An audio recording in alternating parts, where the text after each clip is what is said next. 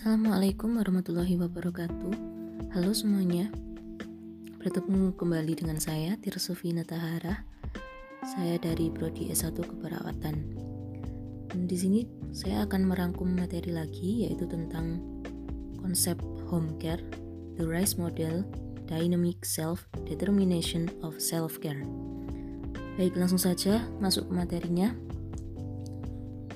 yaitu menurut Departemen Kesehatan tahun 2002, home care adalah pelayanan kesehatan yang berkesinambungan dan komprehensif diberikan kepada individu dan keluarga di tempat tinggal mereka dengan tujuan untuk memulihkan, mempertahankan, dan meningkatkan kesehatan atau meminimalkan akibat penyakit dan memaksimalkan kemandirian.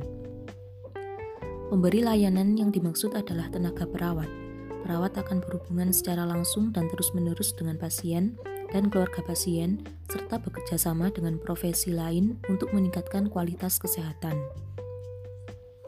Pelayanan home care didukung oleh berbagai model teori keperawatan. Salah satunya teori model RISE, yaitu Dynamic Self-Determination of Self-Care. Maksudnya, dari model tersebut adalah pasien diberikan kebebasan untuk menentukan pilihannya dalam merawat diri sendiri guna menjaga keseimbangan kesehatan mereka sendiri.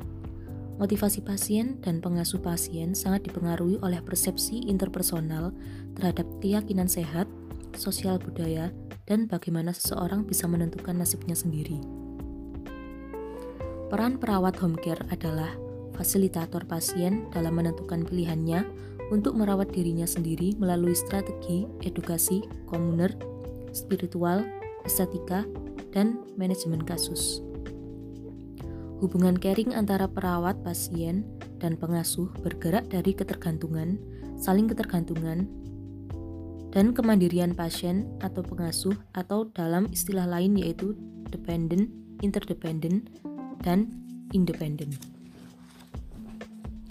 Berikut adalah tiga tahap antara pasien dan perawat dan caregiver. Yang pertama yaitu dependent.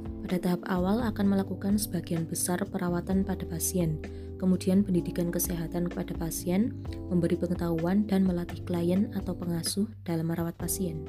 Yang kedua yaitu interdependent pasien atau pengasuh sudah mulai memiliki pengetahuan dan keterampilan untuk melakukan perawatan secara mandiri dengan bimbingan perawat home care. Yang ketiga yaitu independen. Pasien atau pengasuh sudah mandiri melakukan aktivitas perawatan diri dengan intervensi minimal dari perawat.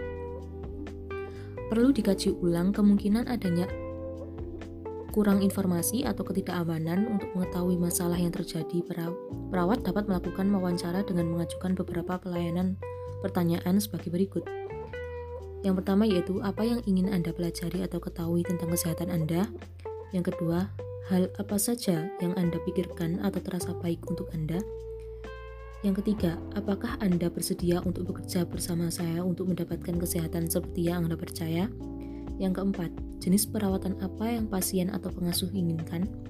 Yang kelima, apakah yang pasien atau pengasuh butuhkan selama proses perawatan?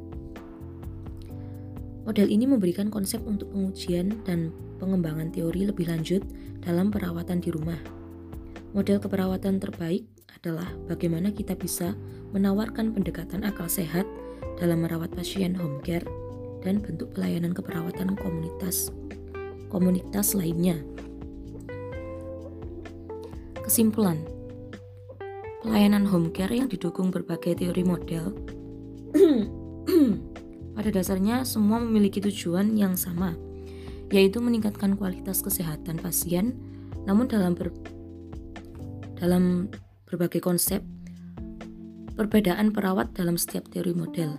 Perawat dalam hal ini sangat berperan penting dalam proses peningkatan kesehatan pasien. Ya, baik.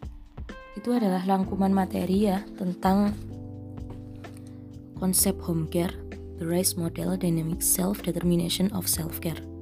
Semoga rangkuman yang singkat ini sangat bisa bermanfaat untuk teman-teman sekalian.